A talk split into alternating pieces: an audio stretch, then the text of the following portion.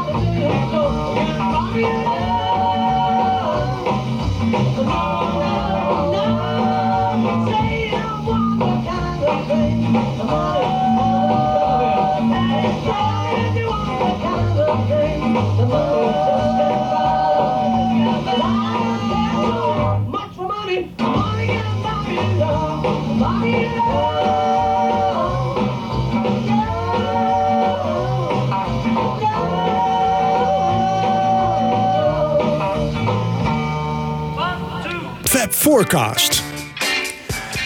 Goedemorgen, goedemiddag, goedenavond, beste luisteraars. En welkom bij wederom een nieuwe aflevering van Fab Forecast. Mijn naam is Michiel Tjepkema en naast mij zit... Jan Kees de Brugge. En aan de overkant... Wibo Dijksma. Ja, en eh, jullie hoorden het al. Can't Buy Me Love, de eerste single van het derde album van de Beatles, A Hard Day's Night. En dat album, A Hard Day's Night, staat centraal in deze aflevering van Fab Forecast. En er is alle reden toe om dat te doen natuurlijk. Ja, we hebben natuurlijk het 50-jarig bestaan van de film uitgebreid belicht in de vorige aflevering met die bijzondere 5.1 mixes. En we gaan nu stilstaan bij A Hard Day's Night, het album. Vertel eens even, Jan Kees, wanneer heb je dat voor het laatst gedraaid? Nou, nog niet zo lang geleden natuurlijk, omdat we die afleveringen gingen voorbereiden uh, van die vorige. Maar ehm, ja, het is, het is, er zitten een paar hele mooie nummers op, moet ik Ja. echt zeggen. Hoor. Ja. Het is echt een, een mooi album. Ja. Jouw favoriete nummer van het album? Nou, ik vind And I Love Her vind ik natuurlijk prachtig. You Can Do That vind ik ook mooi. Ik vind het altijd heel moeilijk om dat soort dingen te kiezen. Heb jij een eh, favoriet, eh, Wiebo? Ehm, nou, misschien niet het beste nummer op de plaat, maar ik word altijd heel erg blij van Tell Me Why. Nou, grappig. Dat uh, zo'n Oh ja. energie uh, in zit en mooie samenzang. Ja, Ja. Ja. eigenlijk een beetje een, eh, een nummer wat hij uit zijn mouw geschud heeft. Op een hè. Er zijn allemaal een paar van die nummers op van Lennon die hij een beetje snel geschreven heeft. Maar die eh ja, En jij, eh, Michiel? Ja.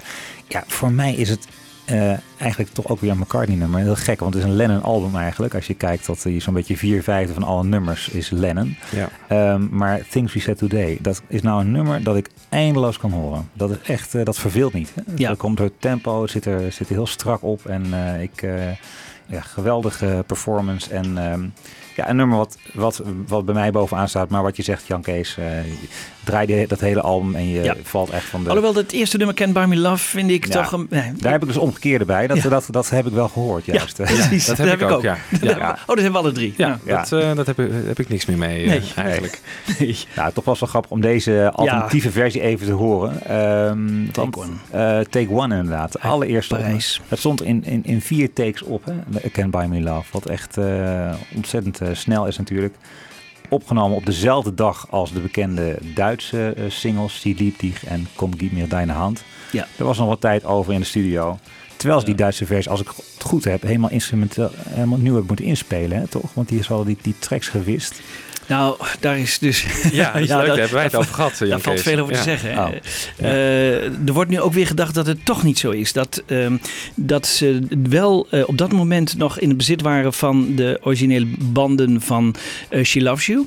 En ehm, daar is ook een hele theorie over op internet. Moet je maar eens kijken. She Loves You, She Liebt Dich. Heel interessant, waarin wordt gezegd... nou, het zou best eens kunnen zijn dat ze dat tempo wat hebben versneld eh, achteraf. En ehm, dat uiteindelijk eh, die banden pas daarna zijn kwijtgeraakt. Het is een interessante theorie. Misschien moeten ze in Parijs eh, gaan zoeken. Ja, Ja. Nee, dat, misschien liggen ze daar wel. nee, dat vind ik een leuke theorie, ja. Maar ja. I Wanna Hold Your Hand is toen wel met eh, de, de oorspronkelijke backing track Oké. opgenomen. Ja. Maar je kan het niet horen als je ze naast elkaar legt, ken ik heel duidelijk. Ja, dat, nou, precies. Maar dat hebben ze dus gedaan. Ze hebben dan die, eh, die, die, die verschillende snelheden weer. eh, en er, zijn, er is in gemonteerd. Hè? In ehm eh Silipdig is de. Oh nee, in She Loves You is gemonteerd. Ja. Vermoeden ze. En eh, nou, dat, dat zou dus. eh, en die ook montage zit weer niet in, in de Silipdig. In Silipdig. Nee. Dus Dus, maar goed, dat gaat een beetje te ver nu in Hard Ja. Day's Night aflevering. Daar maar- moeten we nog een keer een andere Ja. keer over hebben. Maar Can't Buy Me Love was overigens niet helemaal af. Hè? Eh, in- ze hebben in, dacht ik, in Abbey Road nog een paar dingetjes eraan gedaan. Maar eh, in, Nou ja. voor- in, in, in, in het grote geheel was hij wel... eh, Nou, we gaan zo meteen nog wat dieper op in. Maar een van de dingen nu die er toch aandraagt, Jan Kees, is het feit dat de solo van George Harrison inderdaad later is ingespeeld in Londen. Ja. En hij is op een tweetrack opgenomen, die eh Can't Buy Me Love in, eh, in Parijs. Hè? En je hoort als je naar de uiteindelijke studioversie gaat luisteren, dan hoor je nog een beetje in de verte de eh, oorspronkelijke solo van George. Die kon ze niet helemaal weggemixt krijgen. Dus het leek ons aardig om even te laten horen ehm, eh, ja, de, de mislukte solo van George dan en daar bovenop dan de, de, de goede solo. Dus we kunnen het even lekker luid draaien, Wibo. Zeker.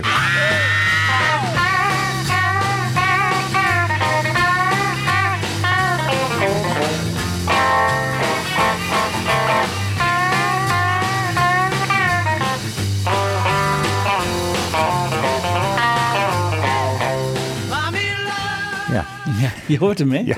Ja, nog wat. Ja. ja dat is Ja. het duidelijkste. Ja, als het echt Heel helemaal leuk. ernaast zit. Heel leuk. Ja. Nou ja, waar, waarom, eh, waarom beginnen we dit nummer nou? We gaan eh, dat album eigenlijk chronologisch een beetje door. Dat is ook niet eens zo heel erg eh, nou ja, eh, makkelijk. In die zin dat eh, de opnames voor heel veel nummers van A Hard Day's Night op dezelfde dag plaatsvonden. Of ze begonnen met eh, vier takes van een bepaald nummer en maakten dat later af. Maar eigenlijk is, is het, op, het album opgenomen in negen opnamedagen. Wat natuurlijk voor een legendarisch album ontzettend snel is. Ehm, als je naar de, de, de tracklist kijkt, dan zijn eigenlijk de eerste zeven nummers allemaal uit de film. En daarna moesten de Beatles eh, een, eh, ja, de, de, het nog wat vervolmaken, zeg maar, om een echt album van te maken. En dat, ook in die, volgorde gaan we het langs. Eerst komen de zeven nummers uit de film. eh, en daarna de zes resterende nummers. Nou, dat Can't Buy Me Love is ook op een bepaalde manier ja, toch exemplarisch voor, voor een nieuwe tijd, zou je kunnen zeggen, waar de Beatles aan gaan eh, voor staan. Een nieuwe tijd waar ze aan gaan, aan gaan beginnen. Met name als het gaat om het songschrijven. Want ik denk dat je kan zeggen dat tot die tijd eh, het bekende hè, eyeball to eyeball werd altijd gezegd. Dat was toch de manier waarop zij samen schreven. En eigenlijk kan je van A Hard Day's Night denk ik zeggen dat ze alle nummers, sowieso zijn het allemaal Lennon McCartney composities op deze plaat. Maar ze zijn ehm, helemaal solo geschreven. Dus McCartney deed zijn ding en Lennon deed, die schreef zijn nummers ook helemaal zelf. De nummers die hij zelf zong.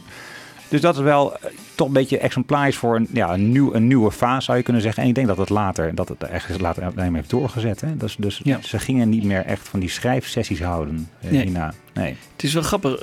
En de Lover, daar kom je misschien nog op, hè, waarin Lennon later beweert dat hij daar toch wel wat aan Ja. heeft eh, toegevoegd, terwijl McCartney dat altijd heeft ontkend. Zijn we een van de weinige nummers waar ze het oneens eh, over waren. Maar eh, Ja, het, het grappige is daar ook van dat hij dat eh, in, in 19, hij heeft twee interviews overgehouden. Eentje in 1972 en eentje in 1980. En in 1972 zegt hij van ja, ik heb in het begin bijgedragen. En in 1980 zegt hij van nee, dat was helemaal van Paul. Dus ook op een gegeven moment eigen hey, herinnering dan ook een beetje weg. Zoals John wel een beetje. Ja, ja. maar goed, ehm, laten we even eh, luisteren naar een kort fragmentje waarin John en Paul worden geïnterviewd over de manier waarop zij samen schrijven. Dat haakt hier mooi op aan van schrijven ze nou samen of schrijven ze alleen? It so happens that the last time the Beatles were here in Los Angeles, I was uh, able to get together with them for a few minutes and record an interview. Then, in the course of the ensuing conversation, I asked them how they approached songwriting. We normally approach it on the M1. Uh, and sort of come up, turn past London, and when we get to Scarborough, we feel we're there, well, I asked uh, as, as they say. But um, no, we just got a very informal approach. We've got no formula at all, you know, for writing songs. We just do it as it happens. Sometimes John can write a line of a song. He can come up and say.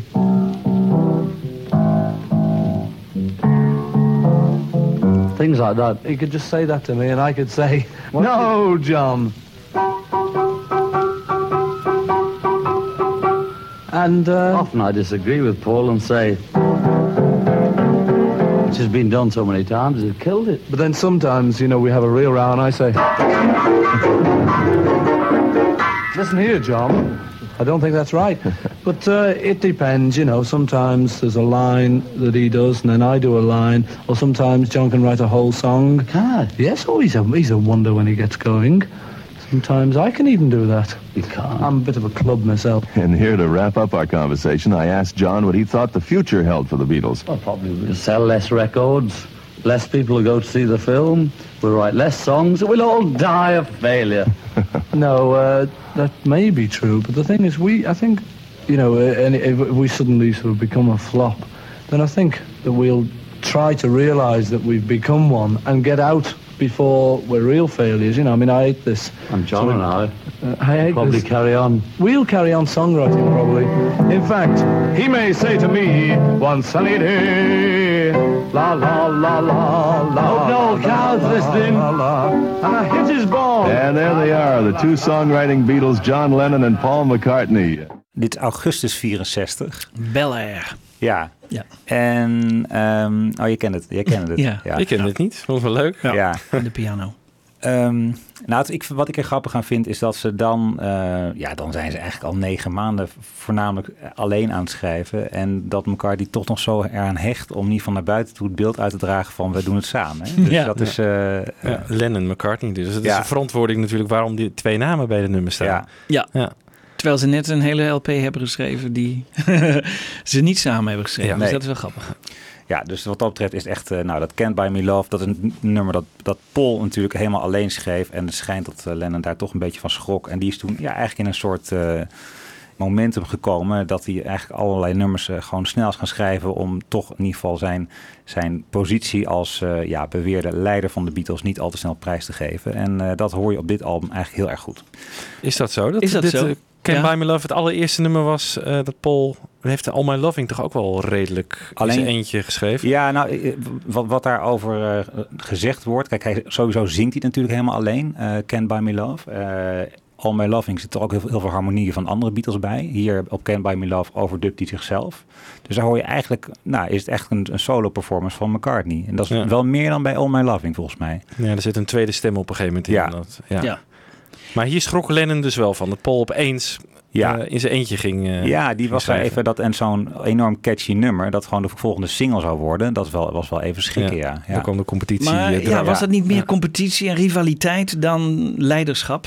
Nou, misschien is het ook overdreven om te zeggen dat het op dat moment één onbetwiste leider was. Maar ik denk wel dat wat je rond deze tijd ziet eh, bij A Hard Day's Night, dat John toch heel erg, ehm, ja, hij is wel hard aan het werk. Bijvoorbeeld het feit dat hij de titeltrack ook zelf schrijft. Op een gegeven moment was, was het de opdracht van, nou jongens, er moet een titeltrack komen van het album, van de film. ja, dan, hij is als een idioot naar huis gereisd om dat nummer te schrijven. Want dat wilde hij, gewoon- dat wilde hij doen. Dat Ja, was ja. wel, in die zin was er wel een zekere eerzucht ook, eh, zat er ook wel achter, denk ik. Ja. Oh, een heel gezonde rivaliteit, zeker, dat ook. Ja. Maar in, die, in deze fase toch ook wel van, nou ja, ik... eh, het titeltrack die wil ik doen, bijvoorbeeld. Nou, je ziet het later ook hè, bij ehm, die, die, eh, die, die, die grote eh, show die ze dan maken in juni 67, eh, hè, wereldwijd. Dan wordt aan hen gevraagd van jongens, kom met een nummer. Hè. Dat vraagt die, eh, die BBC-producer dan. En dan komt Lennon met een nummer en McCartney met een nummer. En Ja. dan, eh, hè, dan wordt er gewoon de beste uitgekozen. Ja, En hier was John dus gewoon Paul waarschijnlijk voor. Want het zal hen beide gevraagd zijn eh, ja. om een nummer te schrijven. Dus ergens ligt nog een A Hard Day's Night versie van Paul. Ja, misschien wel. Uh, hard Day's Night. Ja. ja. We gaan even door met You Can't Do That. En nou daarover heeft zelfs Ian McDonald gezegd... van zelfs in de titel hoor je dat hij eigenlijk tegen McCartney zegt... dat kan je toch niet doen, man? Een, een nummer helemaal alleen schrijven zonder mij. Nou, dat, gaat mij weer wat ver. Ehm, hij noemt het wel the first blow in a deliberate campaign of reconquest. Dus hij is op een gegeven moment zijn eerste, de eerste poging weer... om terrein terug te winnen nadat Can't Buy Me Love... zo'n enorm succesvolle single was geworden.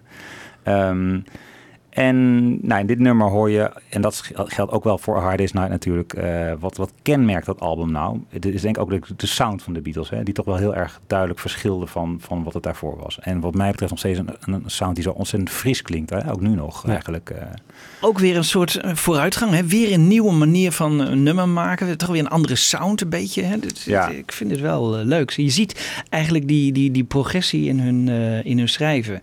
Ook in, bij, dit bij dit hele album. Hè? Zie je weer dat ze weer een stukje verder gaan dan, eh, dan de vorige Beatles. eh, with the Beatles. Ja. dat is wel heel erg leuk. Dat is, dat, dat Want noem eens wat voorbeelden. Als je naar eh, bijvoorbeeld Things We Said Today, vind ik dat zo'n nummer. Een beetje meer, meer melancholische tekst eigenlijk. Hè? Meer, meer, Ja. Het is meer, het neemt een beetje afscheid van het aloude eh, jij, ik en wij zijn eh, leuk bij elkaar. Ja. En, eh, Maar vergeet ook niet dat eerste akkoord van A Hard Day's Night. Dat was ook in die tijd was dat echt weer iets nieuws. Hè? Een, een, Ja. een, een, iets wat nagedaan werd en wat nog niet te horen was in die tijd. Dus echt beginnen met zo'n één zo'n zo'n akkoord. Ik geloof dat George Martin er nog zelfs een pianoakkoord onder heeft gezet. Enfin, die was er ook heel erg voor. Dat was echt, ze hadden het idee van jongens, hé, hey, we maken weer iets nieuws. Dus dat is wel, het zijn maar kleine stapjes. We zijn er nu aan gewend. Maar in die tijd was dat weer nieuw en Ja, leuk. ja, want je kan denken als je het album zo beluistert als geheel, dan hoor je op verschillende momenten hoor je, eh, nou, bijvoorbeeld de 12-snarige Rickenbacker van, van George. Dat is denk ik het eerste album waarop hij dat echt heel prominent inzet. Nou, dat is zelfs zo invloedrijk dat de hele, de hele band The Birds zou niet hebben bestaan zonder dat George die gitaar op een gegeven moment, hè, zonder dat hij dat zo prominent op dit album speelt. Ja. Ehm, ik denk aan dat basloopje ook op I'll Cry Instead van doen, doen, doen, doen. Dat, dat, Oh ja. dat deden bands niet. Eh, Jij had het net over Tell Me Why, waarin zo'n e- enorme trom... eh, toebedoebedoedoe. Ja. Weet je, dat Ja. zijn allemaal van die, eh, of, van die gimmicks eigenlijk. Van die Ja. nieuwe, gewoon een nieuw geluid neerzetten. En daar waren ze toch ook heel duidelijk mee bezig. prachtige tweede stem eh, in If I Fell hè, van, eh, van McCartney. Wat, Ja. wat ook toen Van echt... John eigenlijk, hè? Tenminste. Ik, ik vind die van John altijd de tweede stem in dat nummer. Maar, Ja, ja, maar heel mooi. Ja, maar Heel goed, mooi. ik denk dat het wel Idee is geweest. hè, Ja, om, om ja. dat op die manier te doen. Ja, die was En- echt van het arrangeren. meer. Ja, ja. en dat zie je dan ook. Dat komt echt tot de ontwikkeling. Hè? Eh, in Vain, weet je wel, Ja, prachtig. Hè? ja. Met wat hij, wat hij dan niet haalt en zo. Maar dat, is, dat zijn wel heel erg Beatle-achtige dingen... die dan steeds meer naar voren komen. Steeds duidelijker worden. Nou, laten we even weer een stukje muziek gaan draaien. En ehm, ja, You Can't Do That. Dat eh, stond ook een tijd lang op het eh, live repertoire. En ik heb een eh, versie gevonden van de Empire Pool London. Daar hebben ze op een gegeven moment gespeeld in ergens in 1964. En dit is toch wel een hele grappige versie. Want daar hoor je John de fout in gaan. Hij speelt, ze zingen twee coupletten. En na dat tweede couplet, daar schreeuwt John, eh, ik bedoel dat was altijd de introductie voor de solo en de echte opwinding, die kwam er met en dan, eh, dan moesten ze helemaal losgaan. Maar hij zette het te vroeg in, want eerst moet de middel 1 nog komen. Eh, en, Gebeurde niet vaak overigens. Hè? Ze, eh, ze zelden echt dat er fouten gemaakt Ja, ze worden. waren redelijk strak. Ze waren redelijk ja. strak, ja. Ja. Dus dan is het extra leuk nu om te horen. Nou, maar, maar, maar qua teksten ging, zat John het wel heel vaak naast live ook. Maar goed, maar misschien niet qua eh, hoe het nummer was opgebouwd. En, eh, nee, dat geloof ik niet. Nee, maar dit is, dit is een leuk voorbeeld dus. Ja, nou, we horen het zo meteen. En eh, eh, You Can't Do That Live. eh, waarin dus gelukkig Paul en George nog op tijd bijschieten. En je John ook een beetje hoort lachen. Omdat hij merkt dat hij in de fout zit. I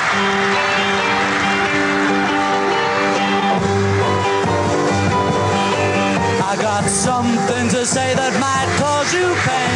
Got you talking to that boy let you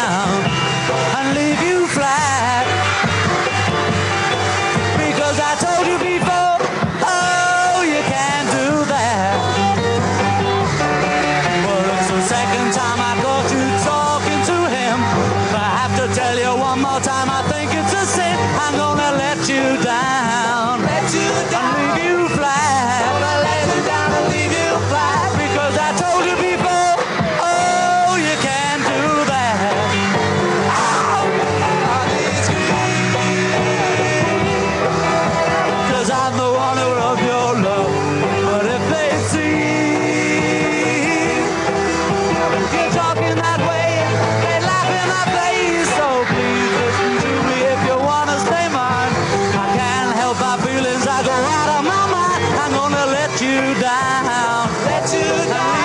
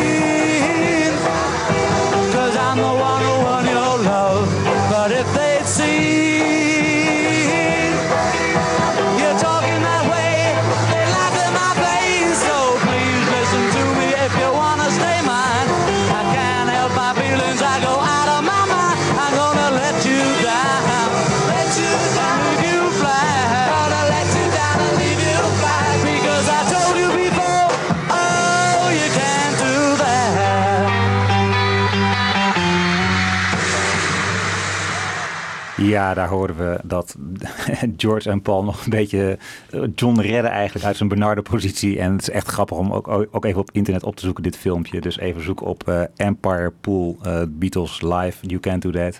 Ehm, want eh, daar zie je John echt lachen. Sowieso gaat zijn microfoon natuurlijk weer alle kanten op. En het, zit, het gaat allemaal helemaal mis. Maar ja, ik, eh, wat ik vooral hier aan merk is wat een enorm opwindende live band het was eigenlijk. In, in, zeker in 1964 nog. eh, Mhm. ja. John die de solo speelde, hè? Ja. nummer. Ja. Ja. Ja. Ook grappig. ja. Ja, heel fel hè, eigenlijk. Ja, Eh, Echt weer dat eh, hakkerige. Ja, ja, ja. Ja. En die twaalfsnarige Rickenbacker hoor je hier eigenlijk voor het eerst ook heel duidelijk op het album. Heel duidelijk. Ehm, we zitten nog steeds op 25 februari 1964. Dat was een, lange opnamedag. En ze hebben eh, You Can't Do That eh, dan een paar takes van eh, op de tape gezet. Op 27 februari wordt het helemaal afgemaakt, dat nummer. Maar ze beginnen al meteen aan een nieuw nummer. En dat zal McCartney's ballad zijn. Later zou John zeggen, His First Yesterday. Ehm, and I Love Her. En dan, ja, jij kende misschien al langer Jan Kees, maar ik, eh, ik kende het nog niet. Het was eigenlijk eh, de, eerste 16 takes zijn helemaal elektrisch. Hè? Dus Ja. voordat het op Anthology kwam, bedoel ik. eh, Ja. Want daar kennen we de elektrische versie van. Ja, dat hadden we natuurlijk nog niet. we hadden het wel gelezen bij, bij Lewison, maar we, wisten, we hoorden het pas met eh, Anthology. Oké, jij kent het ook nog niet. Nee, dus. nee, nee, nee. nee. Was, daar, daar zijn geen outtakes van. Ja. Nee. Nou goed, ze hebben eh, zelf uiteindelijk bedacht van, nou ja, zo moet het niet klinken. Toch was het toch een beetje te hakkerig en te houterig. En ehm, nou, ze eh, besluiten uiteindelijk om een hele, ja, meer pastorale, rustige, akoestische versie ervan te maken. En het is jammer, we hebben niet daar nou heel veel outtakes van. Dat is sowieso iets waar ik een beetje op stuitte bij de voorbereiding van deze show. Want ja, lang niet alles is gewoon gebootlegd. Dus soms moet je naar wat andere variaties, andere versies op zoek gaan. En ik heb er nu eentje gevonden waarvan ik maar aan de luisteraar zelf wil vragen of die kan achterhalen wat in deze versie van And I Love Her nu afwijkt van eh, de uiteindelijke plaatversie.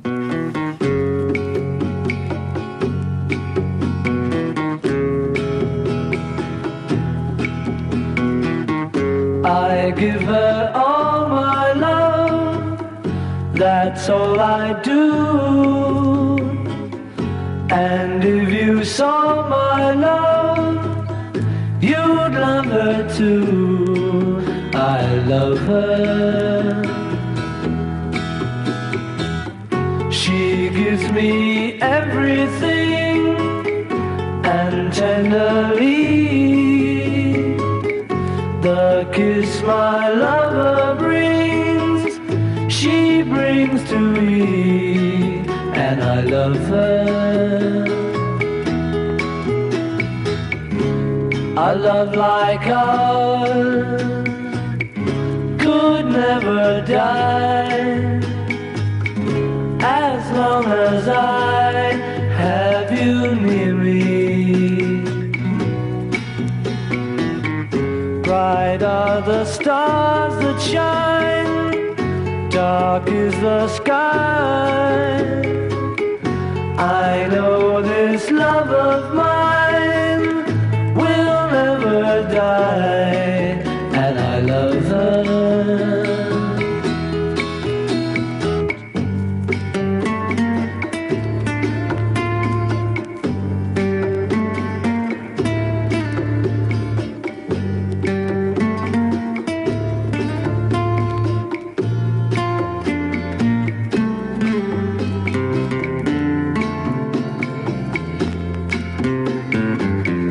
Bright are the stars that shine, dark is the sky. I know this love of mine will never die, and I love her.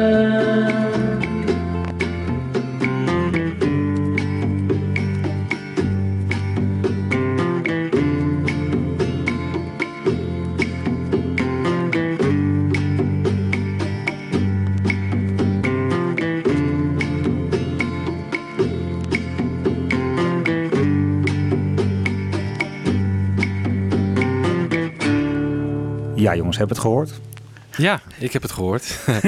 Op het eind, eh, De het, eind- slot- het slotakkoord eh, Ja. werd uitgesteld. Ja, maar is dat gewoon een kwestie van montage? Ja. Gewoon eh, nog een keer eh Ja, geluid en... eh, Of het is in de uitgebrachte versie geknipt, dat kan natuurlijk ook. ja, ja, Maar dat lijkt ons niet. Hè? Nee, dat lijkt me niet. Nee. Nee, maar het nee. kan wel heel goed bij dit nummer. Soms die Duitsers zijn efficiënt natuurlijk. Hè? Die Ja. willen gewoon alles wat op een plaatkant kan, moet vol. Als er dan nog 20 Ja. seconden bij kan, dan doen ze dat. Ja. Mocht dat zomaar? Geen idee. Ja, in de, stamt dit uit de jaren 70 of zo, deze versie? Of? Ehm, jongens, dat zou ik even moeten opzoeken. Ja, nee, nou ja, nee, ze Maar in die tijd konden veel meer. En nu zijn ze heel erg eh, op dat Ja, er niks... dat Het nu het is heilig kunnen. Ja, allemaal. ja. Maar toen, ook wat je ziet wat er in de jaren 70 aan verzamelalbums allemaal is uitgebracht. Dat is gewoon eh Ja. Ja, volgens, wildgroei. volgens mij was het echt gewoon de single versie in Duitsland. Dus eh, dat was al, al rond die tijd werd dit- al uitgebracht. Ja. Oh ja, ja. Ja. Nou ja, Capital deed ook natuurlijk ook wat ze zelf eh, wilden. Hè? Ja. En Nederland heeft zelfs ook, dacht ik, een Oldies but Goldies uitgebracht eh, in die tijd. Waar ook allerlei afwijkingen zitten.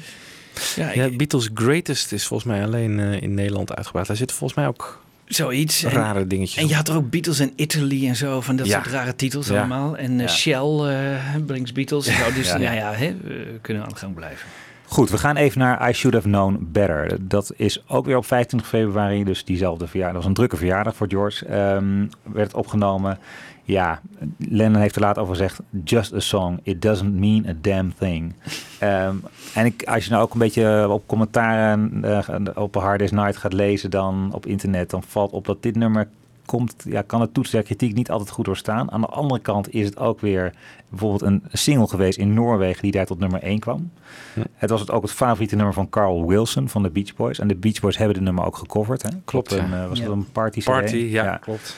In ieder geval is het een nummer waarin je de invloed van Dylan heel duidelijk hoort. Natuurlijk in die mondharmonica. Misschien is het wel zelfs de laatste keer dat we dit, die mondharmonica zo prominent horen in een Beatles nummer. Mm, Nee. I'm a Loser, zit het Ja. Beatles, Beatles for Sale, ja. Ja. Ja, Ik denk dat daar voor het laatst... ja. Maar Dan toen, wa- die- waren ze dus al door Dylan beïnvloed bij, ten tijde van dit Ja, nummer. dus dat is al. Ja. Ja, kijk, een maand eerder ehm, heeft in, eh, in Parijs heeft George natuurlijk de Freewheeling Bob Dylan gekregen. Ja, ja. Dus die hebben ze heel En veel die, die draaiden ze toen Ja. op die, op, in het George Sank eh, Ja. Hotel draaiden ze die grijs. Ja. Ja. Ja, dat Wat waar. leuk dat het in perspectief weer geplaatst wordt nu. eh, ja, daar had ik nooit bij nagedacht. Ja. Wat grappig.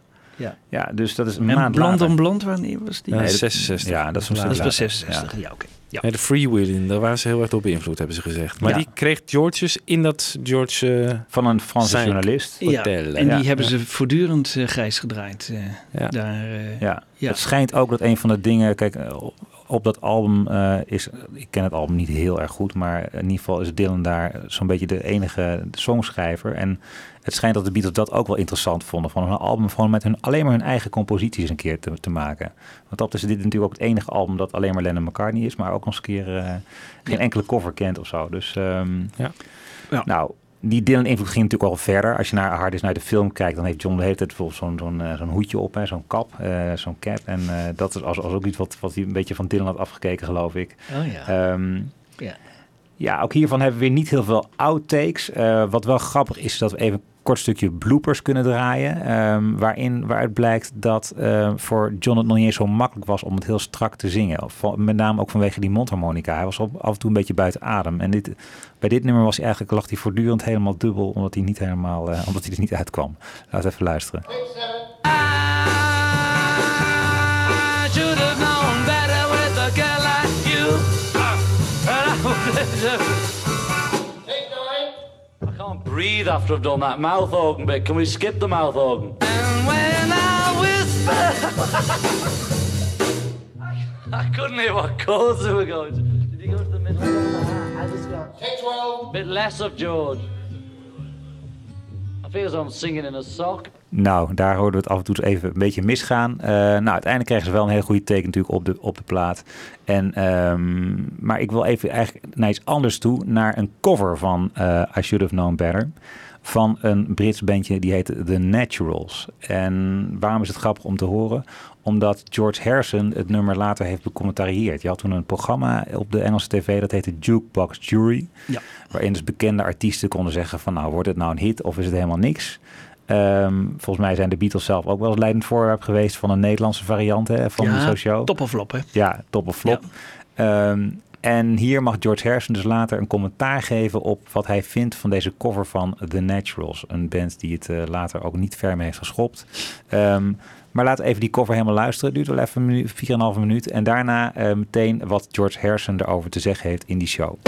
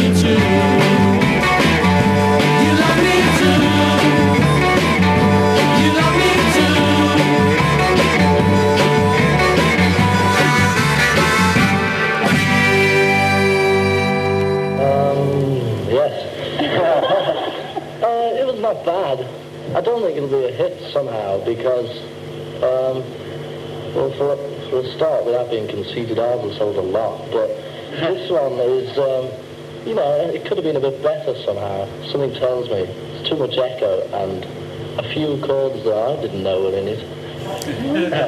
Lekker eerlijk over jullie, Ja. man. Hè? Ja. Toen al. Ja. Akkoor- akkoorden die hij helemaal niet Could kende. better. Ja. Ja. Lekker zuur. Te veel echo. Ja. Ja. Ja. Nou ja, uiteindelijk heeft, is het nummer toch nog tot 24 in de Engelse hitparade gekomen. Dus George heeft niet Ja. helemaal... Het was een, een enige hit eigenlijk juist. Dus eh, Ja. Nou, ik zei net al tegen jullie van hoe opvallend het is dat, eh, dat de Beatles eigenlijk met kop en schouders boven hun, eh, Ja. hun, hun collega's uitstaken. Want dit is gewoon, ja, een, een- Ja, dit is het haalt het niet bij het origineel. Nee, Nog een nee, beetje zo'n nee. neutrale, saaie stem Ja. die je in alle bandjes eh, bijna hoort. Ja. Ja. Ja. George had wel gelijk in zijn commentaar, vind ik. Helemaal.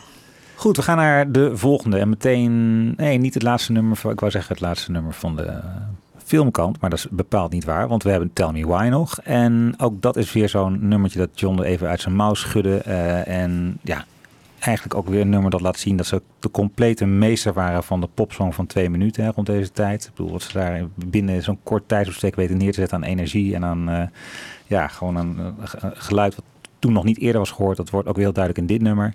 Ehm, en we gaan even een eh, fake stereo mix draaien van dit nummer. Want ook hier geldt weer voor dat we niet beschikken over veel bijzondere eh, bootleg tapes of zoiets dergelijks. Ehm, maar United Artists, dat was de, de, de Engelse, eh, sorry, de Amerikaanse ehm, filmmaatschappij die bezat de rechten op, eh, op, de, op het soundtrack album. En die kreeg op een gegeven moment de mono-mixen van, ehm, van dit nummer. En ook van andere nummers van Hard Day's Night. En toen besloten ze niet te wachten tot in, bij de mensen bij, bij EMI de officiële stereo mixen hadden gemaakt. Maar ze maakten een fake stereo mix van Tell Me Why. En dat is bij dit nummer wel ja, extreem, ja, ik wil niet zeggen knullig. Het is juist heel erg be- bewust gedaan op een bepaalde manier. Maar echt, echt professioneel komt het ook niet over. Eigenlijk ho- hoor je bij dit nummer natuurlijk telkens een beetje dat call and response. Hè? Dus eigenlijk is eh, John, John zingt iets en dan zeggen Paul en George wat anders. En telkens als een van beiden eh, wat zingt, dan wordt het geluidslevel enorm hoog opgekrikt. Dus John hoor je dan heel duidelijk links, Paul en George hoor je rechts, et cetera. En zo gaat het het hele nummer door.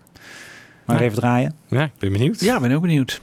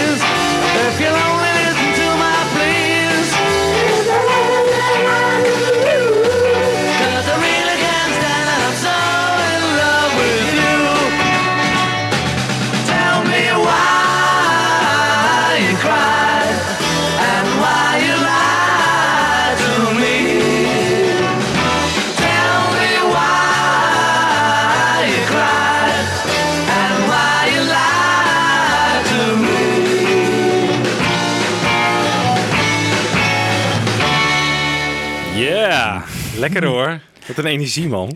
Ja. Maar het is niet moeilijk hè, een stereo mix maken als je het zo hoort. Eh, Nee, de kind kan er was doen. ja. Ja, je wordt er wel een beetje flauw van de hele Ja. van, hè, de ene kant, de andere kant. Ja. Ja. Nou goed, dat even over Tell Me Why. Waar verder vind ik, nou, inhoudelijk ook niet heel veel over te zeggen valt. Laten we even Ja, verder het werd gezegd hè, dat het over John's moeder eh, Oh. ging.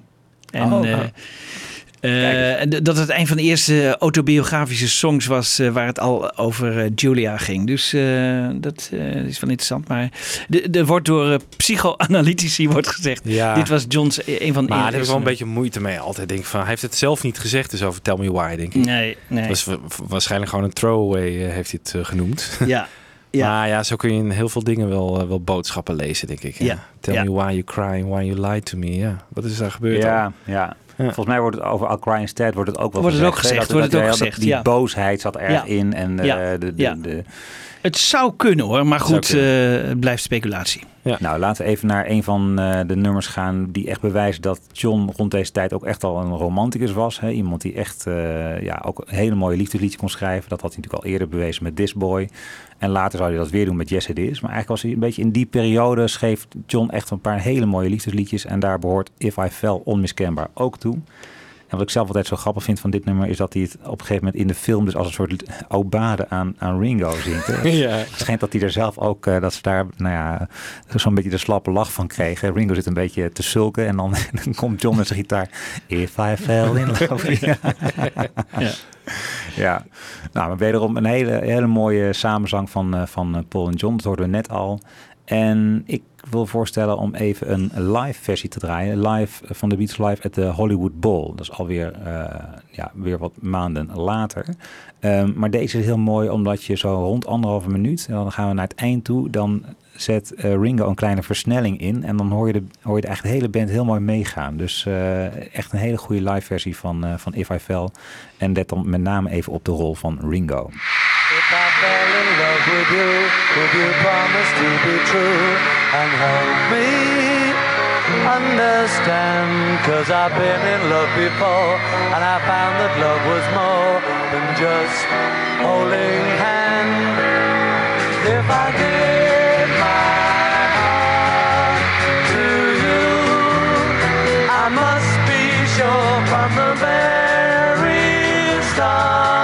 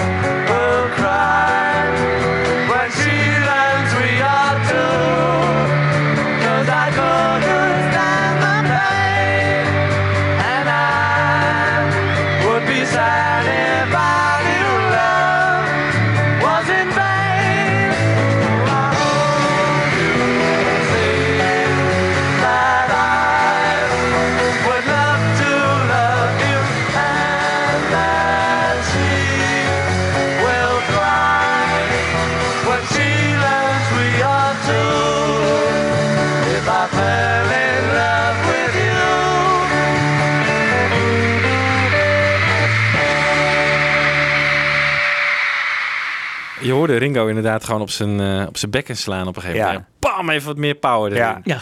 Ja, leuk. Het wordt gezegd dat dit eh, voor het eerst eh, Johns... ja, we gaan weer speculeren, maar eh, dat... Psycholoog Jan Kees de Brugge aan het woord, dames en heren. Johns huwelijk eh, in deze tijd al eh hè, averij liep. Hij had natuurlijk, we weten ondertussen dat hij een aantal affaires had, ook al in 1964.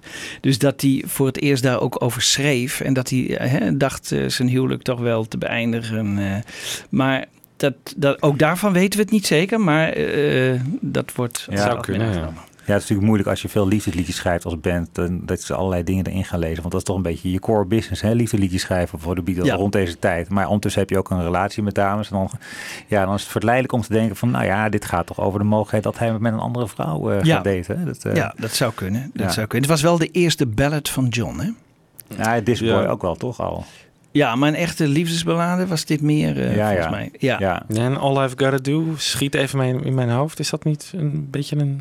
Ja, ballad? maar toch, dit, dit gaat meer naar de Ja, kant van dit Paul. meer- ja. Dit is echt een, beetje Ja, wat zoetsappig. Ja. Ja. bedoel je? Ja, ja. Ja. ja. klopt. ja, wat sentimenteler. Ja. Prachtig nummer overigens. Zeker. Ja. En goed live gespeeld ook eh, voor die moeilijke eh, vocalen. Dat Ja. toch met eh, dat eh, geschreeuw van die fans erbij doen ze dat toch heel goed. Ja. Ja, en dan Ja. van... eh, hè, dat, Maar in de Hollywood Bowl schijnt het geluid ook wel goed te horen geweest te zijn. Hè? Want het is een soort eh Ja. halve schelp of zo waar Ja. ze in staan. waar ze in staan. En dat eh, schijnt goed te resoneren. Dat geluid. Dus hebben ze een soort monitor heeft dat gewerkt voor. Gek dat die nooit op cd's uitgekomen. Ja. hè? Ja. Ja. En deze stond ook niet op de plaat die in de jaren 70 daarvan is verschenen. De officiële Hollywood Bowl plaat. Er stond deze versie niet op. hey, dat Als weet ik- jij nog. Dat weet ik nog. Maar waarom Ja. niet? Want eh, goed, maar dit is dus eigenlijk van een bootleg afkomstig. Ja, Waarschijnlijk. een bootleg eh, die ik op het internet vond. eh, Ja, ja. Daar staan alle bootlegs ja, er zijn heel veel bootlegs, eh, ja. Ehm, we gaan even verder met eh, het nummertje dat John voor George schreef. I'm happy just to dance with you. Ehm, ja, dat vind, dat vind ik nou niet een van de sterkere nummers van het album. Aan de andere kant Misschien, merk je ook hier... misschien daarom wel aan George gegeven. Ja. Dat denk ik ook. Ja, ja. Ja, het zou me niet schijnt, verbazen. eh, Dat ook, ook, ook dat soort zinnetjes als, eh, wat zegt hij nou over, let's, ja, eh, if, if somebody tries to take my place, let's pretend we just can see his face. Denk ik van, ja, ik bedoel, dat is zo, zulke rijmelarij, weet je, dat is... eh, Ja. Dat zou John niet zelf met een strak gezicht kunnen hebben gezongen, maar George daarentegen. Ehm, maar ook hier is, is het arrangement hè, en de, de achtergrondvocalen, die maken het nummer toch helemaal heel goed eigenlijk. Heel goed, goed beluisterbaar en ook lekker dansbaar. Dat is Ja. zoals je het ook hoort in de film. Hè? Ja. Ehm, nou, dit nummer eh, hebben ze later voor de BBC nog een keer gespeeld. Ehm, ja, die had ik graag gedraaid. Uh, zei het niet dat we die hebben gedraaid in de, in de, in de BBC-aflevering. Dus moet je daar nog maar eens kennen toe gaan, beste luisteraar. Nee, ik heb voor iets anders gekozen. Want wat je op dit album dus ook al hoort, is hoe McCartney eigenlijk zijn bas uh, steeds verder aan het ontwikkelen is. Hè, zijn basgeluid. Um, nou, en Tell Me Why hoor je een hele duidelijke walking bass zitten. En het is nog niet zo duidelijk, uh, in de, meer in de productie zit het meer. Zeg maar, in de productie is nog niet zo erg naar voren geschoven. Maar hij doet al wel heel, heel interessante dingen op de bas. En wat ik zelf altijd heel erg leuk vind als ik een avondje niks te doen heb, is dat we op internet gaan kijken naar uh, zeg maar semi-professionele muzikanten die de Beatles nummers naspelen. Mm -hmm. En dan hoor je vaak wel de bas heel prominent of een ander, elk willekeurig ander instrument. Um, en dat heb ik bij dit nummer ook even gedaan. Uh, I'm Happy Just to Dance With You. Um, gekeken van, nou ja, wat, daar zit een hele interessante baspartij in. Alleen die hoor je gewoon niet zo duidelijk. En er is gewoon gelukkig iemand geweest die met de oorspronkelijke backing track van de, van de Beatles gewoon meespeelt op een Hofner bass ook. En, dezelfde uh, partij als Paul? Dezelfde partij als Paul, dus helemaal hetzelfde. Hij, hij, hij verzint er verder niks bij. Nee. Um, en dan hoor je gewoon hoe interessant het baswerk eigenlijk op dit nummer is. En, uh, ja, want wat ik heb begrepen, dat in die tijd bij de mastering mocht die bas niet te veel doorklinken. Hè? Dus, Want had dat met de naald te maken? Ja, dat, dat, dat, dat, daar waren ze bang voor. Hè? Later ja. is dat wel wat teruggeschroefd, maar EMI was heel bang. Hè? Dus eigenlijk moest die bas uh, zo, zo laag mogelijk staan. En daarom hoor je hem in het begin uh, van, nee. van de jaren ook helemaal niet. En ik had gehoopt dat ze dat met de CD-versie wat meer prominenter zouden doen, maar. Uh, het, het, blijkt dus nog te weinig. Hè? Want ja. jij hebt dus niet een hele mooie versie waarin je waarin je hem echt heel goed hoort. Ja, ja, dan moeten we toch echt op de remixen wachten, ja. denk ik. Ja. Voordat het echt naar voren gaat komen. Nou, laten we daar ja. ooit op hopen. Weer een pleidooi ervoor. Ja, Giles, waar ben je? Ja. ja. Goed, kom maar door.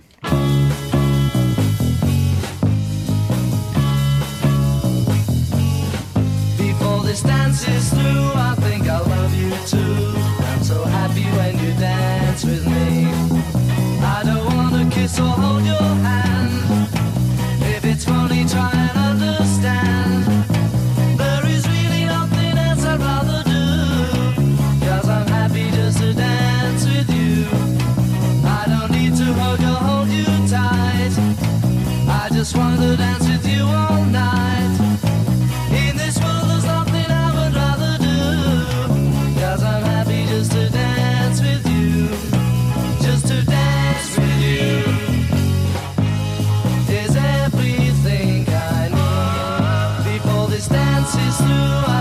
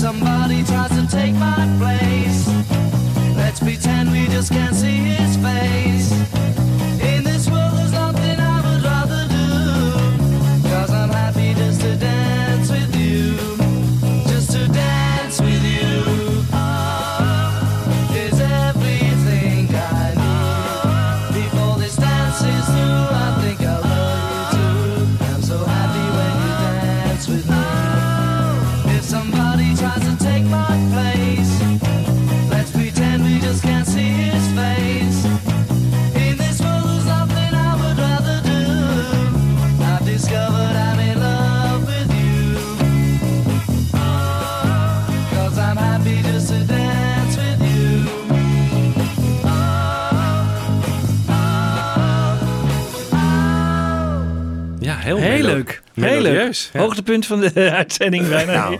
Nee, leuk gevonden. Nee, maar eh, er wordt altijd gezegd dat McCartney pas later hè, met die melodieuze baslijn kwam. Maar als je dat Ja. hier zo hoort, Ja. dan zat het er al vroeg in. Dat is inderdaad zeker. waar. Ja. Ik vind het leuk dat ze dat hebben gedaan als experiment. Dus eigenlijk als we inderdaad die remastering, eh, hè, die, die misschien wel de remixing van de Beatles ooit nog eens krijgen, dan hoop ik dat die, die Dat- bas iets meer op, hè, Ja. want, want dan eh, beleven we nog leuke dingen. Ja. Dus Heel leuk. volkomen verborgen partij Ja. geweest in het origineel. Ja.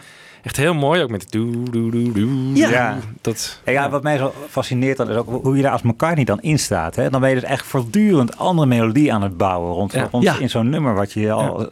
Dat, ja, dat, dat vergt natuurlijk ook een andere manier van. Ja, dan moet je daarmee bezig zijn. Ja. Maar dat kon hij natuurlijk omdat zij hè, eh, met de zang en, en, en de gitaren bezig waren. Dus hij hoefde zich alleen op die bas te concentreren. Ja. En dan kon hij misschien ook wel een hele mooie baslijn doen. En Als een concentratie daaraan geven. Leuk, heel leuk. Nou, hartstikke mooi. Ehm, we gaan even over iets anders eh, revolutionairs praten. Namelijk het eerste akkoord op de plaat. Dat was natuurlijk, daar hadden we het net al heel even kort over. Eh, maar de be- bekende crashing chord van A Hard Day's Night. Eh, toch wel een beetje het handelsmerk, zou je kunnen zeggen, van, van deze plaat. Ehm, ik weet eigenlijk niet zoveel over de ontstaansgeschiedenis daarvan. Daar heb ik niet zoveel over kunnen vinden.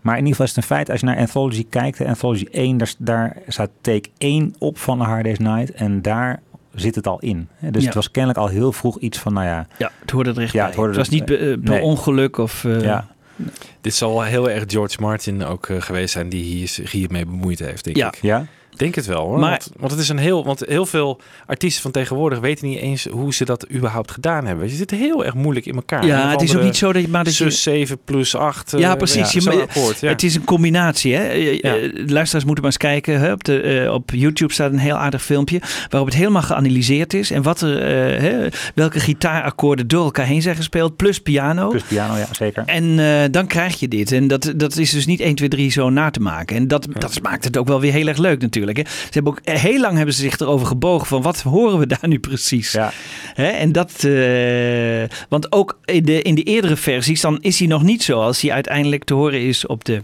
op de plaat. nee, precies. Dat wou ik even eh, laten horen. Ehm, nou, take 1 staat dus op Anthology.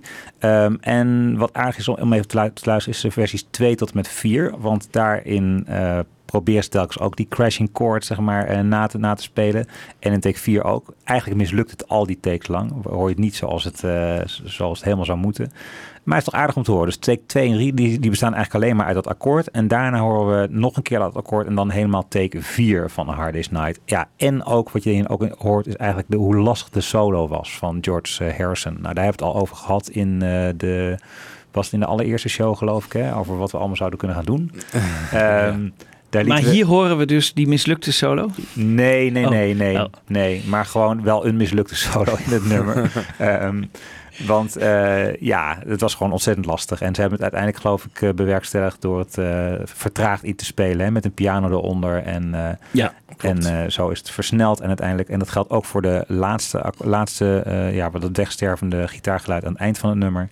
Ehm, dat is ook vertraagd ingespeeld, kennelijk. Nou, maakt allemaal niet uit. We gaan even luisteren Later naar... kon hij het redelijk goed hè, Ja. bij de live-opname. Ja. Dus Ja. het is uiteindelijk nog goed gekomen. Ja, moest goed oefenen. Hè? Dat eh, Ja. kwam er niet meteen uit met George. Nee, Ja. ja. Maar weet je, even het knappe is van ook weer van dit nummer. Hè, overdag moesten ze gewoon spelen. Hè, de uh, Hardest Night eh, namen ze een scène op. En dan s'avonds naar de studio. En Maureen Cleave die beschrijft dat ehm, in, het eh, prachtige eh, nieuwe boek eh, van Hunter Davies dat jij hebt meegenomen.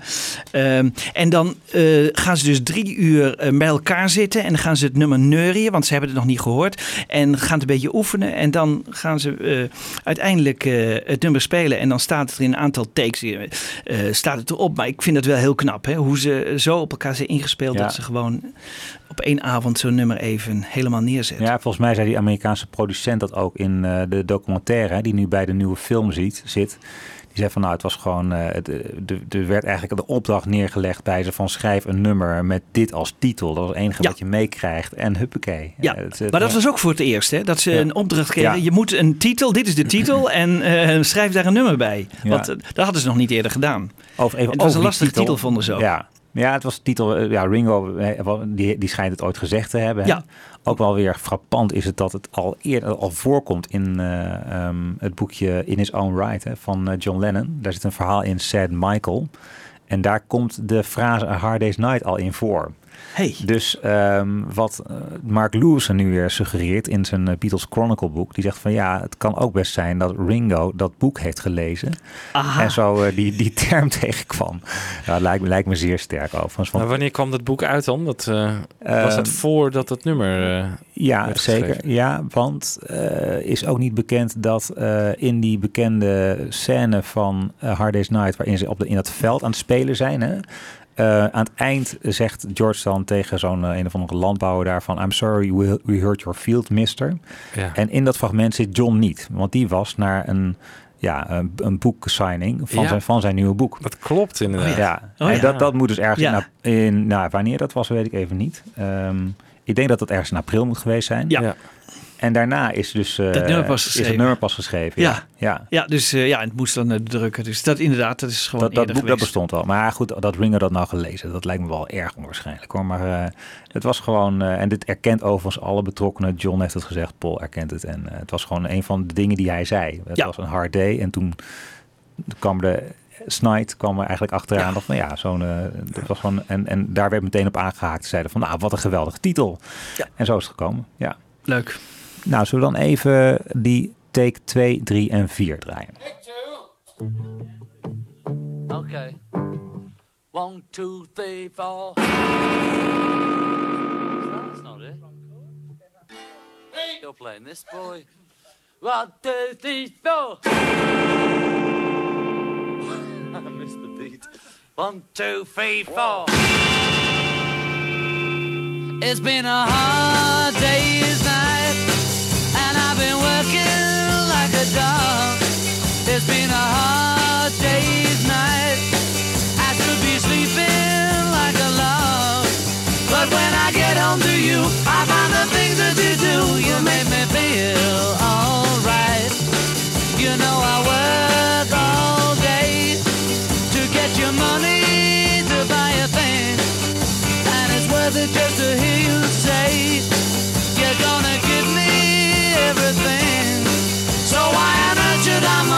when I get you alone,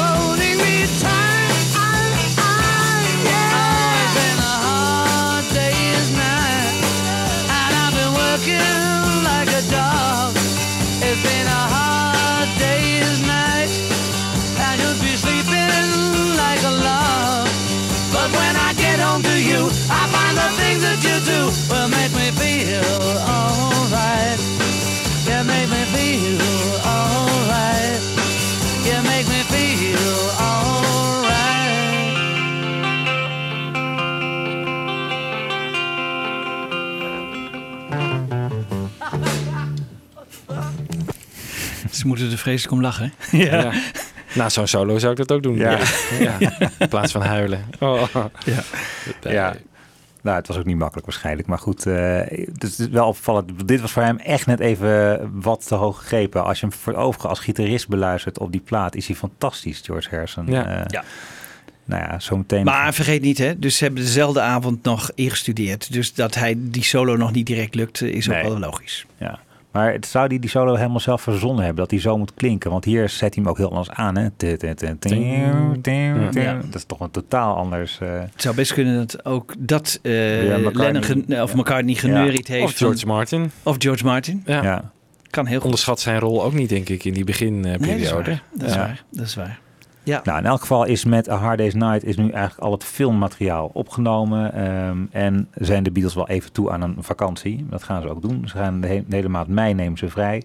En op 1 juni 1964 zijn ze weer in de studio om eh I'll Cry Instead als eerste op te nemen. Ehm, nou, echt een beetje een eh, country en western feel heeft dit nummer. Ehm, lekker strak. Hè? Joe Cocker heeft het later, later ook een hele mooie cover van gemaakt. Een ja- jaartje of twee later, geloof ik. Maar wat wij even gaan laten horen is de langere mono-mix die in Amerika verscheen op het album Something New. Want als je een Amerikaanse fan was van, eh, van dit album, dan kreeg je dus A Hard Day's Night. En daar stonden alleen maar de zeven, de zeven tracks op die in de film te horen zijn. En daarnaast dus vier orkestrale versies van nummers die George Martin had eh, gearrangeerd. Ehm, ja, en dat restmateriaal, dat moest natuurlijk ook op de Amerikaanse markt komen. En daar, eh, daar had Capitol het voor te zeggen. En die brachten eh, het album Something New uit. En daarop is dus een langere versie van het nummer I'll Cry Instead te horen. Waarin je ehm, de, eigenlijk eerste couplet dat John zingt, dat wordt aan het eind eh, nog een keer herhaald. Dus in totaal heb je vier coupletten in plaats van drie coupletten zoals in de versie zoals wij die kennen.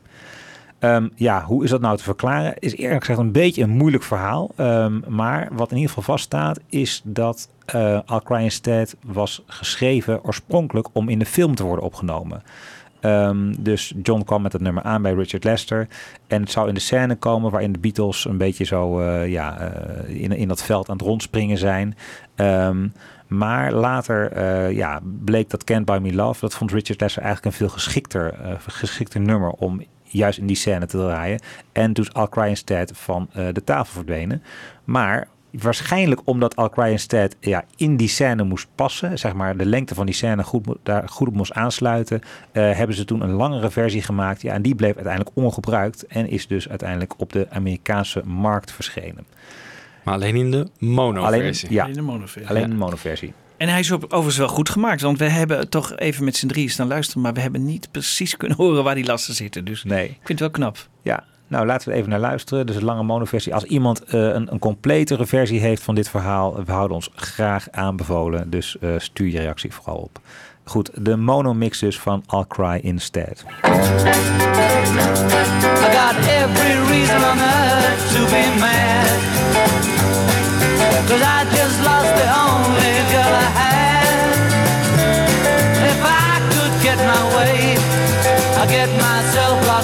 Today, but I can't, so I cry instead. I got a chip on my shoulder that's bigger than my feet. I can't talk to people that I meet. If I could see you now, I'd try to make you sad somehow, but I can't, so I cry instead. Don't wanna cry when there's people there. I'm gonna lock myself away, but I'll come back again someday. And do, you better hide all the girls. I'm gonna break their hearts all around the world. Yes, I'm gonna break them. I'll show you what your loving man can do. Until then, I'll cry instead. I got every reason on earth to be mad.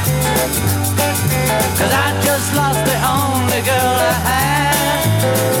And if I could get my way, I'd get myself locked up today, but I can't, so I cry instead. Don't wanna cry when there's people there. I get shy when they start to stare. I'm gonna have myself away, hey, but I'll come back again someday. And when I do, you better hide all the girls. Cause I'm gonna break their hearts all around the world.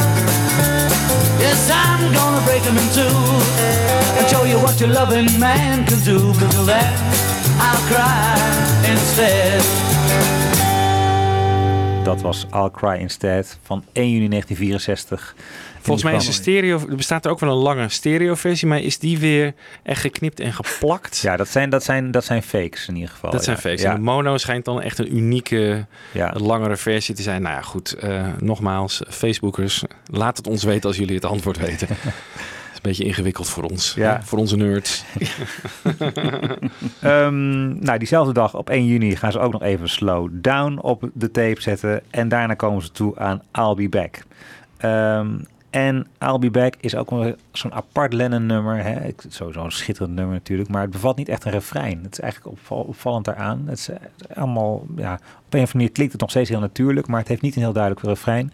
Ehm, en jij hebt er wat op gevonden, hè, Jan Kees? Ik Ja, aan zijn eh, toen destijds bij de Anthology zijn wat van die outtakes verschenen. En die hebben we even achter elkaar gezet. Eh, dus we horen take 12, 13, 14, 15. En dan eh, de remaster nummer 3, de RM3, sta- zit er vlak achteraan. Dus ehm, nou ja, we moeten maar even luisteren. Het is weer eh, leuk om te horen. Ja, laten we even, mag even daar wat aan vastplakken, want we plakken er meteen Anytime at All aan vast. Ehm, en daarvan draaien we de unieke mono mix. En die heb jij weer gevonden, toch, Wibo? Ja, die staat op eh, Something New. Ook weer something weer new. something. Aha. Something New, dat Ja. was hè, de restplaat, een Ja. beetje. Ja. En daar staat Anytime at All op. Ja, en daarvoor is het wel aardig om te vermelden dat de Beatles toen echt een beetje, ja, eh, er zat heel veel haast achter die plaat natuurlijk. Eh, ze kwamen echt, dit, dit nummer was eigenlijk niet af toen ze naar de studio kwamen. En ze dachten van nou, op een gegeven moment moet er een middle eight komen. En daar zingen nog wel even een, eh, daar, daar nog wel even wat tekst bovenop. Maar daar zijn ze eigenlijk niet meer aan toegekomen. En toen had Paul het lumineuze idee om een soort piano bridge in te bouwen. En zo is dat, daar was eigenlijk dus een tekst op bedoeld. Maar uiteindelijk is het dus eh, Paul geloof ik die hier de piano zingt. En dat is ook wel trouwens wel interessant van A Hard Day's Night. Dat daar eh, de rol van George Martin als pianist lijkt zo'n beetje langzaam eh, een beetje weg, te, weg te, te drijven. En de Beatles zelf spelen het wel even. En Oh eh, ja. dat hoor je in dit nummer in ieder geval ook. Anytime at All. Maar goed, eerst dus even die I'll Be Back eh, verzamel eh, tape. En daarna Anytime at All. Rhythm and Blues Part 9. One, two. You know, Paul forgot to say 13. And George, great. God, I'm sorry, I'm sorry, God, I'm sorry. I was just watching George and I thought, it must be all right. One, two. You know. 14. One, two. Hold on, hold on, hold on. hold on. 15. It's fallen over here. What happened over? It's every time you jump like that, you, you make a bit of wind on it. One, two.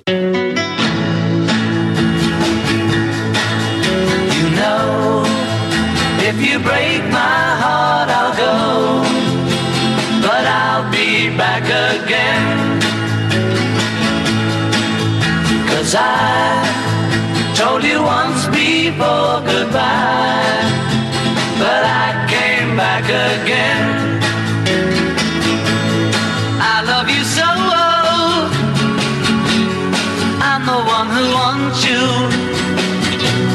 Yes, I'm the one who wants you. Oh, oh, oh, oh, you could find better things to do than to break my heart again.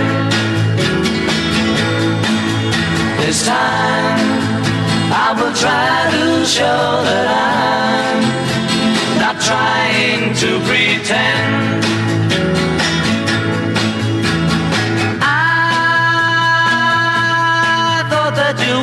Would realize that if I ran away from you, that you would want me to.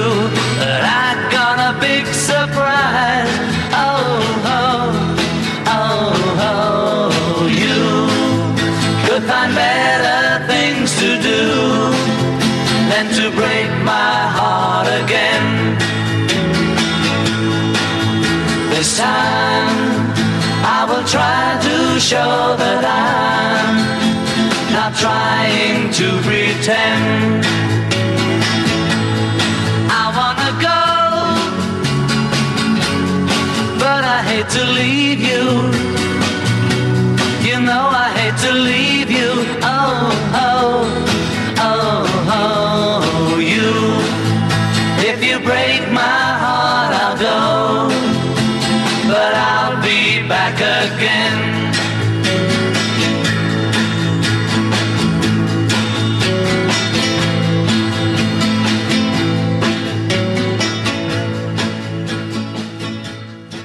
Anytime at all. Anytime at all. Anytime at all. All you gotta do is go, and I'll be there. If you need somebody to love, just look into my eyes. I'll be there to make you feel right. If you're feeling sorry and sad, I'd really sympathize. Don't you be sad, just call me tonight. Anytime at all. Anytime at all.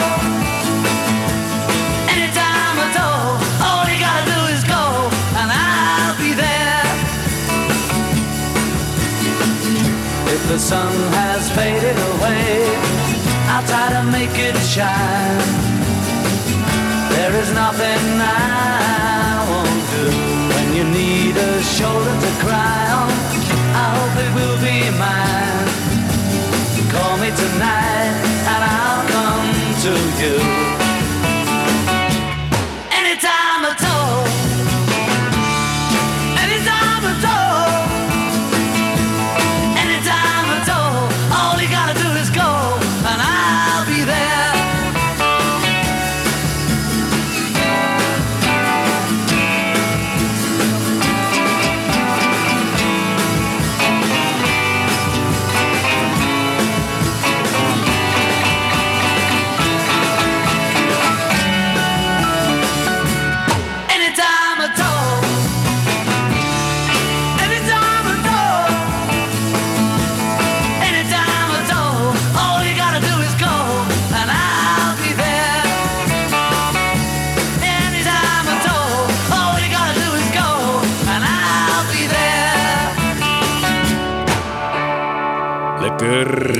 Heerlijk, heerlijk. Goed gedaan, John. Goeie vondst, eh, die eh Middle Eight. Ja. Die piano, ja. Ik Ja. wist niet dat het uit de armoede geboren was, maar dat is gewoon eh ja, gewoon hartstikke lekker. Ja. Ehm, we hebben nog twee trekjes te gaan. Ehm, Things We Said Today en When I Get Home. Eh, Things We Said Today, ja, dat schreef Paul. Dus tijdens die, eh, die maand vakantie had toch een gitaartje bij zich. Ik geloof dat hij ergens op een schip zat en beneden deks eh, dat, eh, dat nummer eh, geschreven heeft. Ehm, was een favoriet ook heeft, eh, van, van John Lennon, heeft hij later gezegd. Hij zegt van dat is echt een eh, echt, eh, Paul op zijn allerbest. Nou, het is een van de, een van de drie prijsnummers dus van Paul van deze plaat. Eh, en ik wilde graag een live versie draaien. En daar vind ik ook weer grappig aan. Ik zei net al hè, bij You Can't Do That hoe ze ja, hoe dynamisch eh, waren als live band. Dat hoor je ook wel heel goed op deze live versie van Things We Said Today. Want als die Middle Eater aankomt, dan, dan zit er opeens zo'n brok energie opeens extra. eh, Paul die eh, ook nog even opzet van wow! ja, Zo dat roept, deed ze ja. altijd. Hè? Dus Ja. als een middle eight aankwam, dan, eh, wow, dan was dan, dan even een gilletje. Nou, het hele publiek was natuurlijk knettergek. Eh en dat hoor je hier ook weer heel duidelijk. En eh, ja, ik, eh, ik, ik mag ze wel, ik, rond deze tijd, live.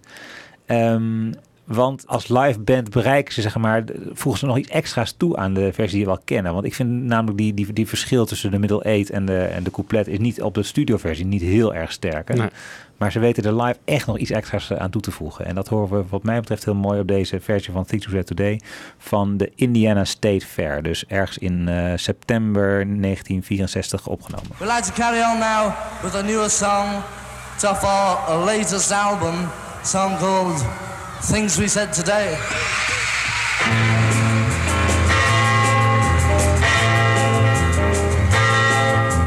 You say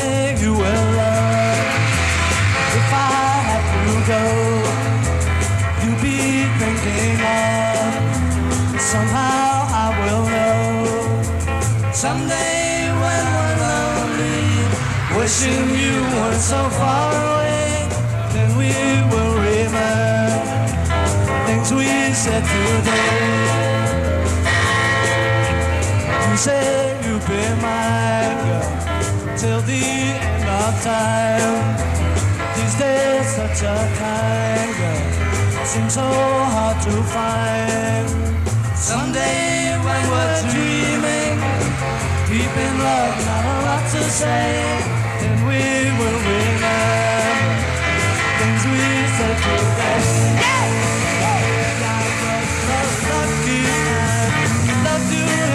Say that love is tough, though we may be blind. Love is here to stay, and that's enough to make you mine, the only one. Love me all the time, girl. We'll go on and on. Someday when we're dreaming, deep in love, not a lot to say, then we will remember things we said today. Yeah! Yeah, I'm just lucky. Love to say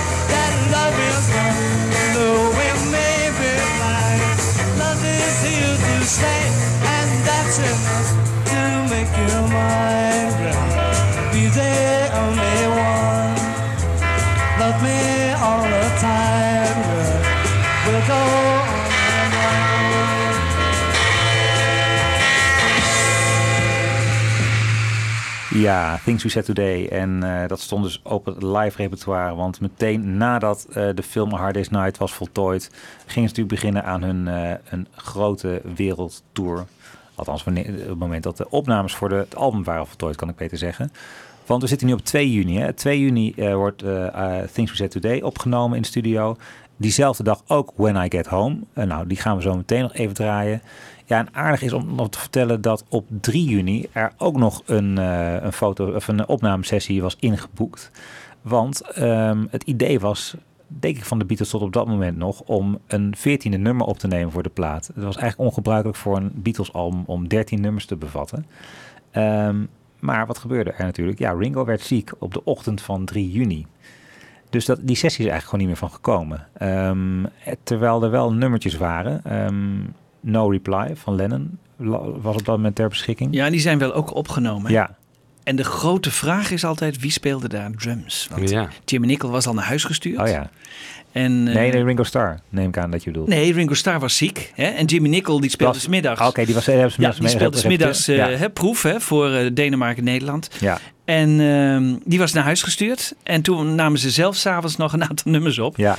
En wie speelde daar drums? Dat heeft. eh nee, dat is altijd Het is een grote niet Paul, vraag want die, die zingt Ja. mee, toch? Tenminste, er zit bas in en zo, dus Ja, Paul niet in zijn. het nummer van George zit, dacht ik, één gitaar. Dus het zou Dat was You eh, Know What To Do. Hè? Ja, You Know What To Do. Dus dat Ja. zou eh, John geweest kunnen zijn. Maar goed, het blijft speculatie. En het is altijd leuk natuurlijk hè, om te... Nou ja, It's For You hebben ze ook opgenomen, heeft Paul nog opgenomen. Dus het was een beetje een soort eh, avond om nog even wat, eh, ja, wat rondliggend materiaal op de tape te zetten. Eh, maar niet meer bedoeld om op het album te worden uitgebracht. Want dat was echt na twee uur van met eh, When I Get Home was het gewoon voltooid. Ehm, nou, that wraps it up, zoals ze in Amerika zeggen. Dat was het album A Hard Day's Night, waar we van we hopelijk zoveel mogelijk interessante alternatieve versies hebben weten te vinden. Ehm, en ik kan iedereen echt alleen maar aanraden van zet die plaat gewoon zelf ook nog eens een keer helemaal op. Want in een half uurtje ben je er doorheen en je kan weer, de, je kan weer beginnen met je dag. Hè. Het is gewoon helemaal hernieuwde energie. Althans, dat is in ieder geval, ik word gewoon blij van die plaat. Ja, hij zit onder het half uur ook, hè? Ja, Ja. ja. ongelooflijk. Ja. Welke versie gaan we tot slot draaien? We gaan weer de mono-versie, de unieke mono-mix van Something New draaien. Wederom, omdat we dus geen ja, echte bootlegs hebben van When I Get Home, draaien we even de, ehm, de Something New versie. Ehm, even leuk op te, om op te merken dat het zinnetje eh, Till I Walk Out That Door Again, dat daar eh, een andere vocale eh, track is gekozen dan voor de UK mono mix. Dus let op dat zinnetje. Tot de volgende keer.